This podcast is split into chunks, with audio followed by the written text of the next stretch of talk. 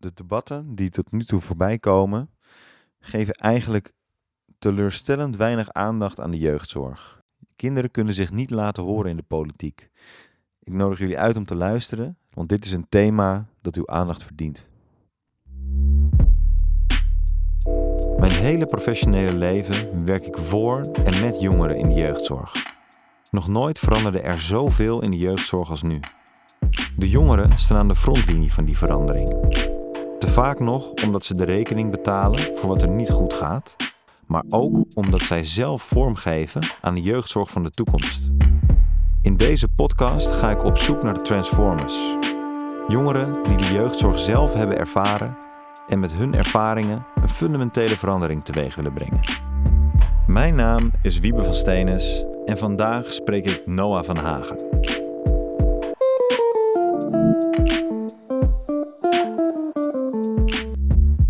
Welkom bij de vierde podcast, Noah. Ja, dankjewel. Het, uh, we zitten hier alweer. Nou, alweer. Dit is de eerste keer in de Tweede Kamer. Eerste keer in de, de Tweede podcast. Kamer. Zo, je verklapt het gelijk. Oh, ja, klopt. Ja. Ja. Waarom heb je me hiermee naartoe genomen? Um, voor een, een, podcast met Lisa Westerveld. Um, omdat, uh, nou ja, het leek me, het leek me leuk om uh, met de Kamerleden in gesprek te gaan. En om te beginnen met iemand van GroenLinks. Dus um, here we are. Ja, Lisa Westerveld. Ja. ja, welkom ook in de, hier in de Tweede Kamer. Dankjewel. Eigenlijk is dit ja, waar we nu zitten is natuurlijk niet echt de Tweede Kamer, maar het is een, uh, een kamertje waar we af en toe met mensen uit onze fractie overleggen. Waar normaal gesproken natuurlijk ook geen uh, publiek komt, omdat het publiek vooral komt in die grote plenaire zaal met die blauwe stoelen die je heel vaak ziet op tv. Ja. Maar toch, hè? welkom in de Tweede Kamer. Dankjewel. Ja. ja, en we doen vandaag een ander format dan dat we normaal gesproken doen. Want Noah, jij zei, ik wil graag in de lead zijn. Ja. Nou, dat vind ik heel leuk. Want dan ben ik jouw sidekick. Cool. Ik heb gewoon een aantal vragen voor jou, Lisa. Ja hoor. En uh, nou, ik, uh, ik heb er vertrouwen in dat het gewoon een uh, mooi gesprek wordt. Heb je zelf een ervaring gedaan waardoor je nou ja, zo betrokken bent geraakt eigenlijk bij de jeugdzorgportefeuille? Het viel mij op dat als ik met jongeren en met hun ouders sprak, dat zij vaak in afkortingen gingen praten. En vaak dat ik dacht, ja, maar jullie praten nu zelf bijna als een hulpverlener. En je komt er dus mm. achter dat om goede hulp te krijgen, moeten mensen zelf gewoon heel goed het systeem al snappen. Anders kom je niet op de juiste plekken. Dat, dat viel me op. En het viel mij ook op dat de machteloosheid die er is. Hè. Ik bedoel, jongeren voelen zich soms, soms machteloos, want ze krijgen niet de juiste hulp. Nou, hun ouders zijn vaak aan het zoeken en kunnen ook geen goede hulpplek krijgen. Maar medewerkers in de jeugdzorg voelen zich net zo machteloos. En datzelfde geldt ook voor gemeenten die verantwoordelijk zijn om jongeren hulp aan te bieden. En nou ja, en, de, en instanties soms ook nog wel. Dus ik merk dat je in dat, dat ja, het stelsel is een stelsel waarin heel veel verschillende instanties wijzen allemaal naar elkaar. En ja, niemand schijnt echt een, de goede oplossing te hebben. En, en dat raakte me wel. Weet jij de oplossing? Weet jij de oplossing voor um, uh, bijvoorbeeld een alternatief voor gesloten jeugdzorg? Nee, want daarvoor moet er veel te veel tegelijkertijd gebeuren. Dat is volgens mij het andere probleem. Dat uh, we hebben, het is heel lang in de Tweede Kamer bijna niet over hulp aan jongeren gegaan, jongeren met psychische problemen. Um, en daardoor is het zo ontzettend verwaarloosd dat we nu met ongelooflijk veel problemen tegelijkertijd hebben. Met onvoldoende plekken, maar ook uh, onvoldoende rechten, vind ik, voor jongeren die hulp zoeken. Je hebt uh, nou ja, onvoldoende kennis vaak ook bij behandelaren. Um, nou ja, vaak nou ja, dat merk, hoorde ik ook in, jou, in jouw verhaal eigenlijk wel. Je komt toch al toch als jongere te vaak terecht op plekken die ook gewoon echt niet geschikt zijn voor je. Zijn, ja. Of aan de helemaal aan de andere kant van het land liggen, waardoor het moeilijk is voor familie en vrienden om je te bezoeken. Ja. Je merkt dat er op school nog weinig ruimte is ook om te praten over psychische problemen. Dus eigenlijk overal zijn gaten gevallen. En dan, en dan, dan kan ik wel zeggen, nou gooi er een zak met geld bij en we lossen het op. Maar dat is echt niet de enige oplossing. Er moet veel te veel en ook allemaal eigenlijk tegelijk gebeuren om ervoor te zorgen dat er echt betere en meer hulpplekken komen. Ja. Nou, één ding waar ik me ook wel hard voor maak momenteel en uh, nou ja, waar ik veel over in gesprek ga, is het isoleren van jongeren in een isoleercel. Um, mijn vraag is oprecht hoe het kan dat het nog steeds gebeurt eigenlijk, terwijl de traumatische effecten al lang bekend zijn. Eh, Wat is jouw rol daarin? Ja, vind ik een hele goede vraag. Ja, Vind ik- ja, en, en ik geef je ook helemaal gelijk, want eh, daar ben ik dus ook al een tijdje mee bezig. ja. Ehm, dat wist ik. Ja, en ik heb daar dus ehm, nou, echt een paar jaar geleden al eens een keer Kamervragen over gesteld. Hm. En Kamervragen die stel je dus aan een minister of aan een staatssecretaris omdat je meer informatie wil hebben. Mhm. En ik wilde toen eens meer informatie hebben over hoe zit het dan? Hoeveel jongeren worden er nou precies jaarlijks eh, nou, hè, in een isoleercel gestopt? Of, Mhm. of, zijn er andere dwangmaatregelen? Ehm, eh, wordt dat geregistreerd? Wie houdt daar controle op? En wat mij toen opviel in de antwoorden, was dat eigenlijk werd gezegd: ja, we weten het allemaal niet precies. Ja. En eh, Vaag, inderdaad. ja, het was heel, vaag. was heel vaag en heel onduidelijk.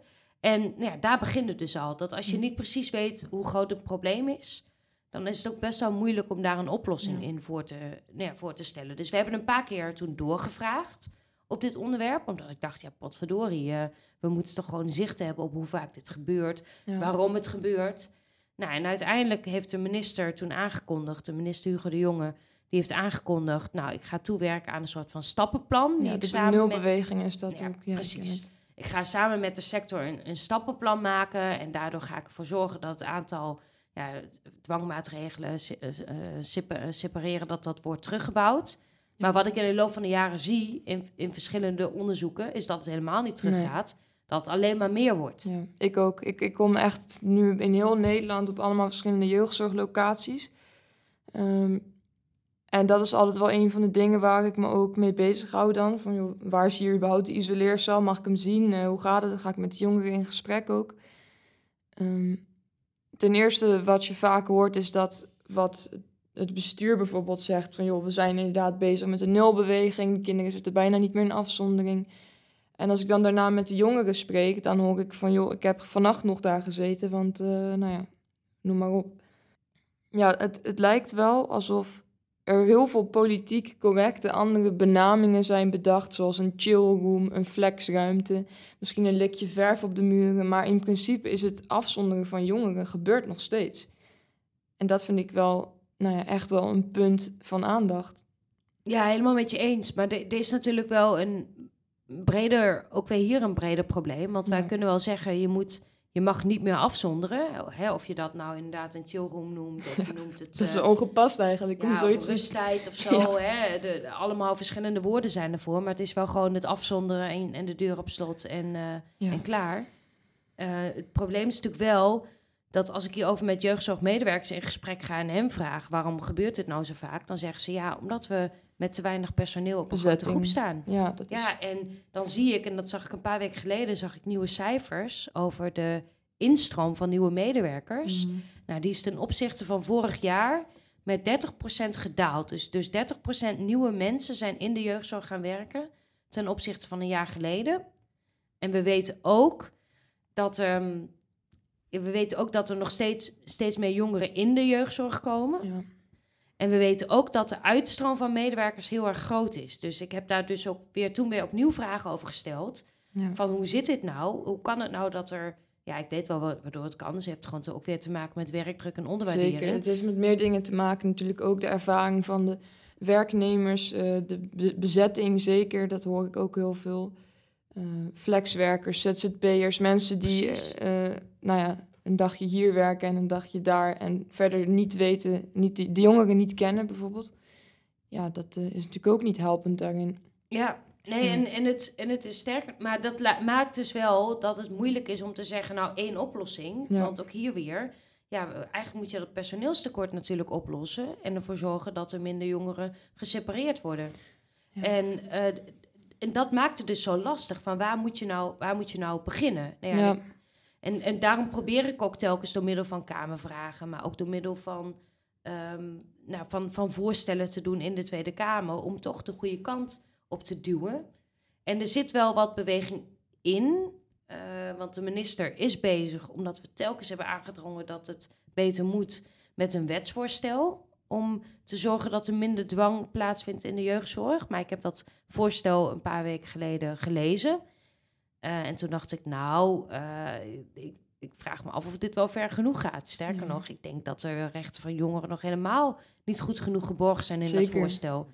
Ben je zelf wel eens in een isoleercel geweest? Ja, op mijn, ehm, op mijn werkbezoeken vraag ik dus ook altijd van Ja. waar de isoleercel zit. En dan valt het me ook op dat eh, mensen nooit happig zijn om je die te laten zien. Zeker niet. nee. En dat ook wel vaak, ehm, ja, dat dan ook wel vaak wordt uitgelegd van ja, maar we hebben hier al meer staan dan vroeger. En dat bijvoorbeeld dan het, het allemaal iets gebruikersvriendelijker Ja. eruit ziet. Maar Lampjes dan, die je kunt verstellen, misschien een muziekje op de achtergrond. eh, ja, ik zie dan nog ik steeds vaak eh, de, de camera's en de, of de bewegingssensoren in de hoeken hangen. En dan denk Ja. ik zo, dit is, ja, Het is onmenselijk, hè? Ja. ja, want tegelijkertijd is het ook wel heel erg spannend om iets nieuws te proberen. Hè. We hebben eh, bijvoorbeeld een locatie ehm, waar ik voor werk, daar zijn ze eh, heel erg afgebouwd. Of tenminste, eigenlijk ge- gebruiken ze de isoleerster er helemaal niet meer. Eh, er zijn minder hekken of zelfs niet, geen tralies. En toch, als het dan een keer fout gaat, ehm, ja, dan, dan komt daar gelijk zo eh, veel shit eigenlijk overheen van de media, maar ook vanuit de politiek. ehm, dat mensen ook het heel spannend vinden om iets nieuws uit te proberen. En dat maakt het ook wel lastig, denk ik. Ja, dat klopt. Ehm, er wordt soms eh, heel erg op incidenten gereageerd. En eh, ja, daar, daar moet je best mee uitkijken. Ik probeer zelf ook daar mee uit te kijken. Want een incident hoeft niet aan te tonen dat iets helemaal niet deugt. Eh, een incident laat wel zien dat het een keer ergens mis is gegaan. En, en dat is logisch natuurlijk. Maar ik geloof er heel erg in dat je juist... eh, dat, dat we echt afstappen van het idee van je moet jongeren die moeilijk gedrag vertonen, eh, nou ja, tijdelijk of langere tijd Opsluiten. met inderdaad Ja. hekken en de deur op slot. Jij vertelde in de vorige podcast had je ook een voorbeeld van dat je de deur open kon doen. Ja. Dat dat gewoon heel bijzonder was. En Ja. toen, ja, dat, is- dat is een voorbeeld, dat raakt me dan ook. Dat ik denk, hoe kan dat nou, hè? Dat het voor eigenlijk een, een, een kind heel bijzonder is om, om een deur open te kunnen Ja, maken. nogal gehospitaliseerd. eh. Ja, precies. Maar dan ben je dus ook niet meer gewend om daarna in de Ja. samenleving natuurlijk eh, gewoon mee te draaien. Als je zelfs, als zelfs iets als het zelf open en dicht kunnen maken van een deur ja. al zo bijzonder voor je is. Nou ja, wel mooi dat je dat benoemt. Dat is denk ik wel een. eh, nou ja, en, en zelfs misschien wel een klein voorbeeld van wat het is om terug te keren in de samenleving na zo'n lange tijd ehm, afgezonderd eh, te hebben gezeten. Hoe zeg je dat? Ja. Ja. Ik heb het nog steeds wel eens, zo moet ik zeggen. Vanmorgen zelfs nog. Ik was in de tram hier naartoe. En toen, in de tram heb je veel van die camerabollen, toch? Ja, En elke keer als ik in de tram zit, ik heb zelfs een tijd gehad, dan wilde ik gewoon niet in het openbaar vervoer. Of ja, dan ga ik gewoon terug naar de tijd dat, dat je nou ja, helemaal vernederd, eh, naakt in een isoleercel ligt met een camerabol op je. En dat Ja. maakt het dus nog steeds los. en dat jij niet weet wie jou zien, Ja, maar je weet wel dat mensen Ja, je, je juist, zien. En ja. dat alles wat je doet in de gaten wordt gehouden. Ja, En daar word je natuurlijk super wantrouwig van. ja, Tegenover alles en, en iedereen. ja. Nu En- kan ik dat wel loszien van elkaar hoor, maar toch als ik een camerabol zie, dan is het eerste wat ik denk, eh, oh, pas op. Ja. ja, stom. Maar wat zou jij als eerste veranderen? Stel dat jij ehm, het voor het zeggen had in, in jeugdzorgland, om het even zo te zeggen. Wat zou je dan als eerste veranderen? Wat ik als eerst zou veranderen is eh, veel meer met een jongere besluiten eh, ja, wa- wat het plan van aanpak wordt. Ja, Omdat ik nou, ja, ook weer in de nieuwe wet, eh, er staan we allerlei mooie rechten beschreven, maar ik zie nergens dat behandelaren en instellingen verplicht zijn om samen met een jongere een plan van aanpak te maken. Ja. Want ik geloof er echt in dat als je vraagt aan iemand van, hey, hoe gaat het met je en wat, wat, zullen we, hè, wat zullen we gaan doen om ervoor te zorgen dat je goed geholpen wordt? En je maakt iemand ook eh, daardoor medeverantwoordelijk en je neemt iemand serieus ja, dat dat ja, ook bij hele jonge mensen echt de, de, de echte sleutel tot verandering kan Ja. zijn. dus Ja. belangrijk hè, iemand verantwoordelijk maken voor zijn eigen proces eigenlijk. Ja. Ja, in plaats van dat anderen die jou niet kennen of die jou naar een En intakegesprek je dossier hebben gehad, gelezen. precies je dossier hebben gelezen, Ja. waar soms ook dingen in staan die, die niet per se hoeven te kloppen. Ja. Of die nogal, die in ieder geval niet een volledig beeld van je schetsen. Dat zij beter voor jou weten waar je moet zijn en wat je behandeltraject wordt. En mag vooral ook niet te duur zijn, want overal zijn financiële tekorten. Nou, ik, ik geloof er veel meer in dat als je aan eh, mensen zelf vraagt van... hé, hey, wat heb je nodig? Wat, wat, wat verwacht je van mij? Hè? En wat verwachten we dan van jou? Dat dat, dat veel beter helpt. Omdat je Ja. iemand verantwoordelijk maakt, maar ook gewoon serieus neemt. Ja. dat denk ik ook.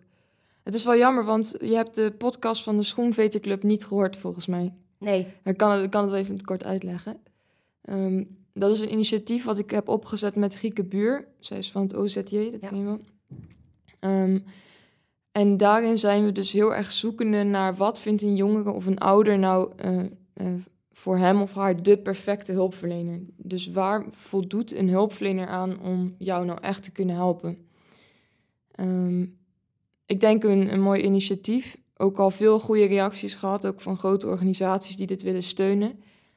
Ehm, ik, ja, ik was wel heel benieuwd wat je ervan zou vinden, maar dat kunnen we natuurlijk later nog van je horen. Wat is voor jou een. Hoe zie jij een goede hulpverlener? Welke eigenschappen heeft een goede hulpverlener? Nou, een goede hulpverlener. Ik denk dat we heel veel goede hulpverleners hebben hoor. Ehm, en ik, en ik, de mensen met wie ik dus veel praat in de, in de jeugdhulp, dat zijn natuurlijk ook degenen die ook mij opzoeken. Omdat ze het gevoel hebben dat ze hun werk niet goed genoeg kunnen doen. En als ik dan hem vraag van wat maakt dan dat je dat gevoel hebt, dan is bijna altijd dat ze het gevoel hebben dat ze onvoldoende tijd en aandacht kunnen geven aan de jongeren of de, met, met wie ze werken.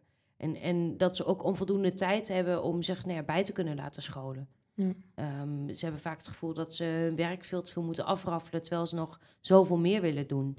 En ik denk dat dat, ja, dat, dat, dat ook een goede hulpverlener maakt. Dat je eigenlijk je, nou ja, je werk in dienst eh, zet van ja, de jongeren of de familie waar, waar je voor werkt of waar je langskomt.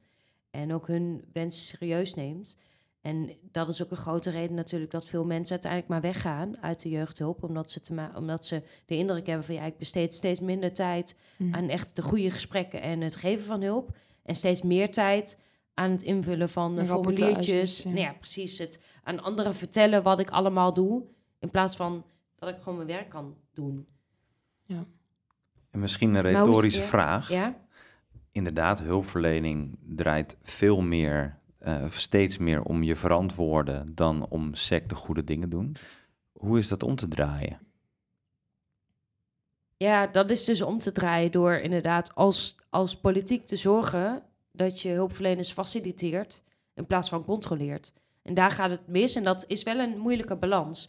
Want als je ergens geld in investeert, dan wil je eigenlijk ook weten waaraan is het dan precies uitgegeven. Hè, ik wil dat ook. Als wij, eh, nou, we hebben bijvoorbeeld vorig jaar voor elkaar gekregen dat er jaarlijks 26 miljoen extra gaat naar expertisecentra, dus plekken waar jongeren met, met complexe OZJ problemen beter geholpen kunnen worden. Ja, ja, ik zou nog liever willen dat echt, echt ook gaat naar plekken en naar echt het investeren nog in specialistische kennis. En zo is het wel een voorbeeld van. Maar dan is natuurlijk mijn neiging heel erg om precies tot op de euro te willen weten waar dat geld in is, in is geïnvesteerd. Omdat ik dan weet of het is geïnvesteerd in het doel dat ik voor ogen had. En dit is één voorbeeld. Maar dat gebeurt met bijna alles. Gemeenten die zijn in 2015 verantwoordelijk gemaakt voor de jeugdhulp. En die hebben, ja, die hebben vaak enorme financiële tekorten. Dus ik begrijp heel goed dat zij dus ook precies willen weten waar instellingen en waar hulpverleners hun tijd eh, in hebben insteken. Want het is hun geld van de gemeente. En tegelijkertijd, om- omdat we elke keer dat willen weten, kost dat natuurlijk de individuele hulpverlener heel veel tijd die niet gestoken kan worden in het geven van hulp. Dus dat is een heel, ja, heel een beetje gekke balans. Want je wil natuurlijk wel op hoofdlijnen weten waar, waar het geld naartoe gaat. Ik ik, wil dat ook. Als ik zeg er is jaarlijks zoveel miljoen beschikbaar voor iets, dan wil ik ook wel we- weten en kunnen controleren dat het daar wel ingestoken wordt. Mhm. En, de, kan, en de, de truc is dan om te voorkomen dat je ja, wil dat mensen gaan tijdschrijven, omdat ze precies elke minuut eh, moeten verantwoorden waar ze zijn geweest en wat ze hebben gedaan. Toch is het een lastige balans hoor. Het is lekker. Ik mag nu ook zeggen wat ik vind. Zeker, Wiebe. Toch vind ik dat een lastige balans, omdat aan de ene kant, natuurlijk, hè, je, je, je stelt budget beschikbaar en je wil weten waaraan het besteed wordt. Eh, en aan de andere kant moet je ook vertrouwen geven aan mensen om de goede dingen te doen. Ja. Ja. En eh, in mijn beleving is eh, met die decentralisatie het zoveel meer de controlekant en het vertrouwen stuk zo ver weggeraakt. Ik heb wel eens dat ik gemeentes moest vertegenwoordigen omdat ik door hen ingehuurd was. En ja, zat ik echt met, met aan de ene kant eh, mijn, mijn oude collega's van, eh, van de hulpverlening, aan de andere kant eh, mijn ambtenaren die dan daar mijn collega's waren. En moest ik echt ja, die weegschaal maar een beetje zo houden. Ja, ik kan en me waar voorstellen. begint het vertrouwen? Daar heeft het denk ik ook wel mee te maken dat het eh, voor gemeenten natuurlijk ook een nieuwe taak was. En als je een nieuwe taak krijgt, dan wil je natuurlijk helemaal in het begin wel even precies weten van, nou ja, wat moeten we dan doen? Hoeveel kost het? Met welke mensen en welke instellingen heb ik te maken? Dus ik, ik hoop in ieder geval dat dat een deel van het probleem is. Dat, en dat het in de loop van de jaren eh, allemaal beter gaat worden. Dat gemeenten minder ook vragen aan hulpverleners om eh, ja, precies op te schrijven en te verantwoorden wat ze, wat ze hebben gedaan. Maar ik ben het helemaal met je eens. Het is een hele ingewikkelde balans. En je moet, eh, je, ja, je moet natuurlijk enerzijds... wa- Want je hebt ook... Het heeft ook wel mee te maken, je bent natuurlijk uiteindelijk ook als overheid verantwoordelijk dat het geld op de goede plek terechtkomt. En op het moment dat er helemaal geen controle is en dingen lopen uit de hand of nou ja, een instelling krijgt een bak met geld en er blijken helemaal de verkeerde dingen te zijn, eh, gebeurd te zijn en ook niemand heeft dat gecontroleerd, ja, dan krijg je natuurlijk ook hè, als gemeente of als, nou ja, of in dit geval ook een, een minister, de vraag van ja, hoe kan dat nou en schandalig en niemand heeft het gecontroleerd en hoe kan dat? Dus dat is Mhm. ook wel weer de andere kant. Ja, uiteraard. En Noah, het gesprek wordt steeds technischer Ja, en gaat over geld. ik dwaal af. Ja, ik zie, ik zie het bij je. Maar volg je, volg je het gesprek wel, wat, we, wat wij nu voeren? Ja, zeker. Dat het tegelijkertijd ook heel beperkend kan zijn om dus zoveel eh, eh, controle te, te hebben, zeg maar. Van, Ja. Want je beperkt echt ook de hulpverleners. En Ja. het, eh, die, die gewoon ja, voor hun werk zijn opgeleid. En die gewoon hun werk willen doen. En die niet bezig willen zijn met formuliertjes invullen. ja, Want jij werkt nu bij een zorgaanbieder, Noah. klopt. Bij e-hub. Ja. Ja. En hoe is dat dan voor jou? Want je staat nu dus echt daar, aan die kant. Ja. Nou, ik zie echt wel goede initiatieven. Of, of, of locaties die het ook echt anders proberen te doen. Eh, maar wat ik al zei, het wordt soms zo ingewikkeld. Kijk, op zo'n eh, plek gebeuren gewoon incidenten. Of je nou hekken er neerzet of niet. Misschien heb, het grootste, grootste gedeelte heb je misschien niet eens door, helaas. Dat heb je wel gehoord in mijn podcast. Er was ook therapie en zo. Maar het is gewoon zo jammer dat als er dus zo'n eh naar voorloper is, om eigenlijk te zeggen. En het gaat een keer mis dat het. Dat, we zijn nog steeds bezig zeg maar, om ervoor te zorgen dat ze het niet gaan sluiten. Omdat het zo spannend is. Eh, nou ja, krijg He- heeft dat met geld te maken? Nee, dat heeft te maken met. ehm, Met de afbouw van plekken? ja, ja, klopt. We zijn ook nu bezig met een, eh, een, eh, een project dat heet de afbouw van 50 bedden. Waarin we de kans krijgen om dus voor 50 kinderen eh, iets alternatiefs te bieden. Dus in de vorm van ambulantisering of eh, ook gezinsopname. Dat je niet meer het kind uit huis had, maar heel het gezin met, met de visblub erbij. Ik moest er toch even een klein grapje in gooien. Mm, veel te serieus allemaal. Echt hè? Goed verhaal. Mm, lekker kort. Nee, maar ik, ik snap ook wel dat het heel ingewikkeld is hoor. Omdat dan natuurlijk, je hebt een. ehm, in de loop van de jaren ook. eh, nou ja, is gewoon een vrij ingewikkeld systeem natuurlijk opgetuigd met een aantal plekken. En eigenlijk moet het nu op een deel van die plekken gewoon anders geregeld worden. En dat kost natuurlijk heel veel tijd en energie en veel mensen. En ehm, nou ja, ook geld natuurlijk om het goed te kunnen regelen. Ook die alternatieven waar je, waar je mee bezig bent. Geloof jij in een alternatief voor gesloten jeugdzorg? Bijvoorbeeld een jeugdzorgboerderij. Dat is echt mijn droom om, eh, om de echte complexe casusjes, zeg maar om het zo te zeggen, om, eh, die, die nergens anders meer terecht kunnen, om die op een fijne plek te zetten zonder hekken met een paar lama's of zo in de tuin. Ja, ik, ik geloof daar wel in, maar ik kan me ook voorstellen dat je.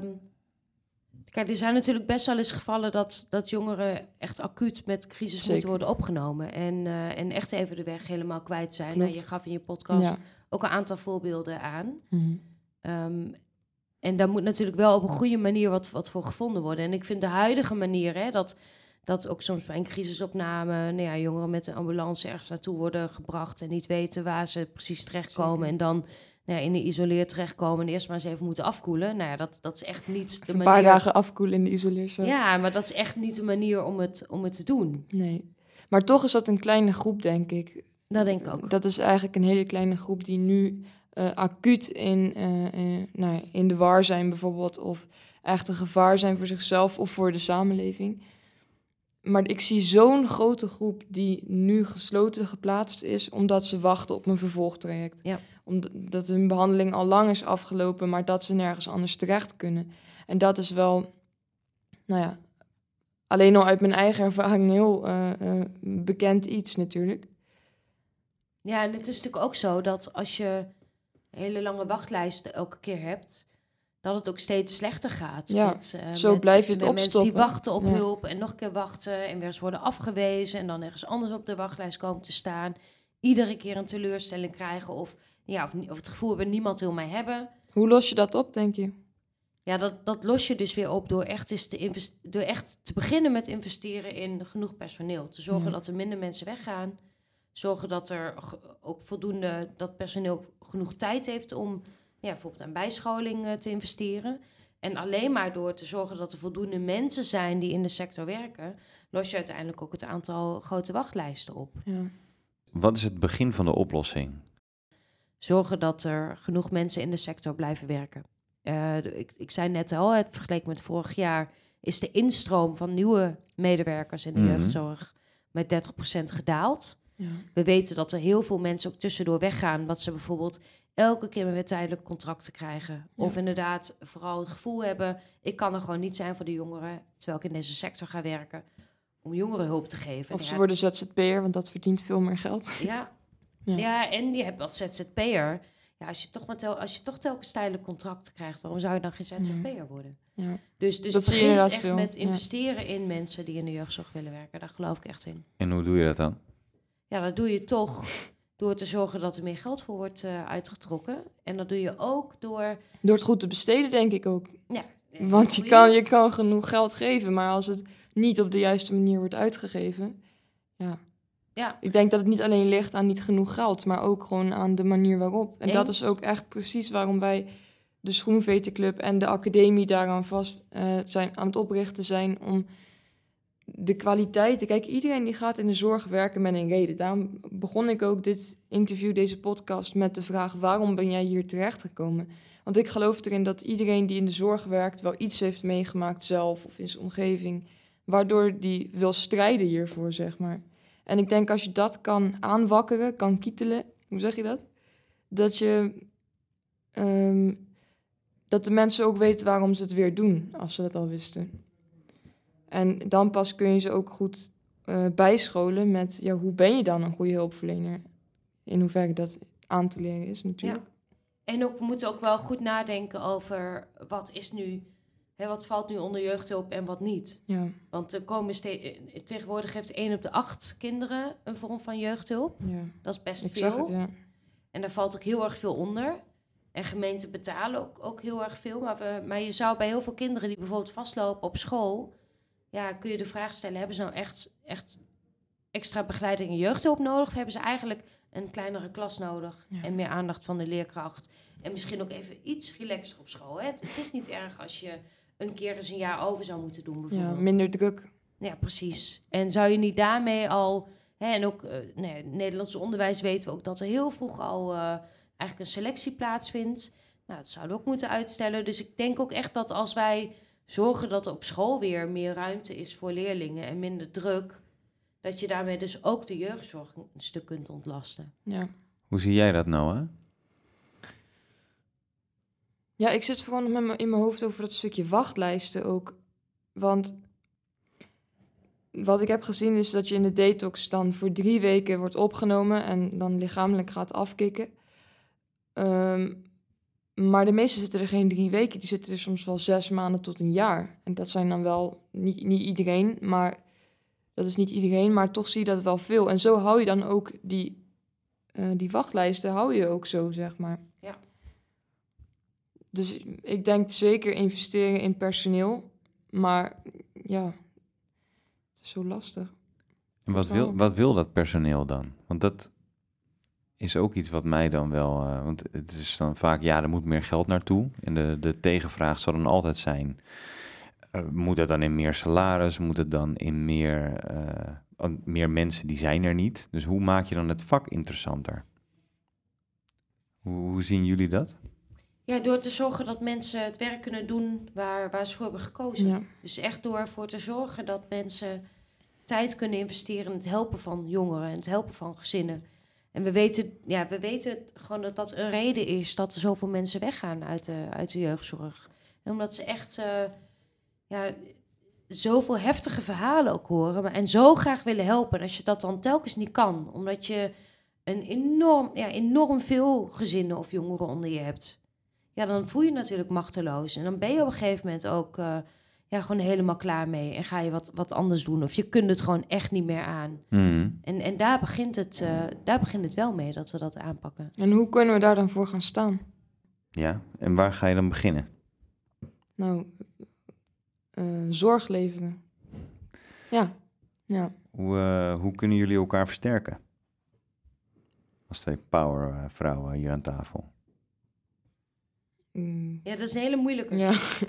Omdat het niet... eh, soms heb je met een, met een probleem dat je denkt... Nou, en hier ligt de oplossing. En dan gaan we dit voorstellen als oplossing. Nou, ik weet, wat- wel, ik weet wel dat het wel echt tijd is voor actie. En dat is waar ik, waarin ik me soms een beetje erger in, in deze sector... is dat er zoveel vergaderd wordt en weer opnieuw herhaald wordt. Ik was ook bij de 24-uur sessie van eh, eh, VWS, van de Volksgezondheid. En nou, dat heb ik ook in die vorige podcast al benoemd met Hans... dat het, er wordt maar herhaald. En eigenlijk is dit al lang bekend. Dat is denk ik het probleem. Het is gewoon tijd voor actie. Dat moet de vraag zijn, denk ik. Ja, ik ben het met je eens. Ja, Heel veel dingen zijn al lang bekend. ja echt. We weten inderdaad bijvoorbeeld hè, dat, dat het... Nou, we weten hoe... eh, dat het gewoon met een groot deel van de jongeren niet goed gaat. We weten waarom personeel uitstroomt. We weten dat Eh, isoleren traumatiserend ja. is, maar toch, vandaag de dag gebeurt het allemaal nog. Daarom zeg ik, het is tijd voor actie. En hoe gaan we dat doen? Nou ja, volgens mij kan je actie krijgen door een meerderheid te hebben die vindt dat er actie moet komen. En Lisa namens, is- Groen- namens GroenLinks, eh, die vindt dat er actie moet Dat komen. vind ik een mooie. En wat is dan een mooie? Dat, er, dat dit zeg maar ook bij de rest terechtkomt van, van de Kamerleden. Dat het inderdaad tijd is voor actie. Misschien moet dat wel het volgende onderwerp zijn. Ja, maar het is wel een goeie, want... ehm, en, en waarom ik dit zeg... Ik gaf net aan dat, we, dat het te lang in de Tweede Kamer ook best wel stil is gebleven over de, over de jeugdzorg. En dat heeft Mhm. er volgens mij ook mee te maken dat het... Ja, mensen praten liever niet erover. hè. Als je zelf te maken hebt gehad, er zit best wel een stigma rondomheen. Ehm, ik vind het super dapper dat er steeds meer jongeren zijn, hè, waaronder jij nu ook, die gewoon ook een podcast maken en over vertellen. Die hun verhaal gewoon, ondanks dat het best heel heftig is en heel zwaar Mhm. kan zijn, gewoon durven te vertellen wat er allemaal is gebeurd. Want alleen maar door die verhalen wordt het ook voor ons duidelijk, hè, voor mij en mijn collega's, ook van andere partijen, wat er allemaal niet goed gaat. Ja. En alleen als je meer duidelijkheid daarover hebt, dan kweek je ook begrip en zorg je er ook voor dat de meerdere Kamerleden nou ook zich realiseren dat het niet goed genoeg gaat en dat het dus tijd is voor actie. Dus eigenlijk is het aan jou, Noah, om het verhaal aan hen te vertellen. Is voor mij dan eigenlijk de conclusie. Ja, dat denk ik Wat ook. is jouw Maar ja, ik conclusie? sta er wel voor open. Een keer een goed gesprek met de Kamerleden. Ja, ja waarom niet? De eerste zit hier al. Ja, nou ja, Dus, eh, ik, ik zou vooral inderdaad ook andere woordvoerders die hierover gaan Ja. benaderen. En er zijn, ja, er zijn veel meer jongeren ook die best wel hun verhaal willen vertellen. Ja, ik vraag me af of dat echt impact maakt, zeg maar. Ik, ik denk dat het juist impact maakt door de mensen te spreken zoals, zoals jij bijvoorbeeld. Of die direct ermee bezig zijn. Want er zijn, er zijn inderdaad wel meer mensen die hun verhaal vertellen. Maar in hoeverre dat dan echt opgepakt wordt, dat vraag ik me wel eens af. Ja. Nou, ik, ik merk wel dat de laatste jaar, denk ik, dat sinds dat meer jongeren ook naar buiten komen met hun verhalen, merk ik echt dat er in de Tweede Kamer ook veel meer aandacht voor is. En dat heeft inderdaad gewoon te maken met de impact van, van directe verhalen. Ja, Ik zie de radertjes bij je draaien, Noah. klopt. Ik denk dat het goed is voor nu. Lisa, dank je wel dat we inmiddels al voor de tweede keer eh, hier zo samen zitten. Heel mooi dat je daar tijd voor maakt. En Noah, het, eh, we hebben een, eh, volgens mij een nieuwe opdracht gevonden. Yes. Ja, Dank je. jullie bedankt. Ja. En Noah, bedankt voor, voor, ook voor het delen van je verhaal. Want ik vind het ongelooflijk dapper dat je dat doet. En het is ook ontzettend belangrijk, want alleen maar door ja, verhalen te laten horen... Ja, alleen, hè, en door daarmee mensen te raken, daarmee verander je het beleid. En daar ben ik echt van overtuigd. Ja, ik ook.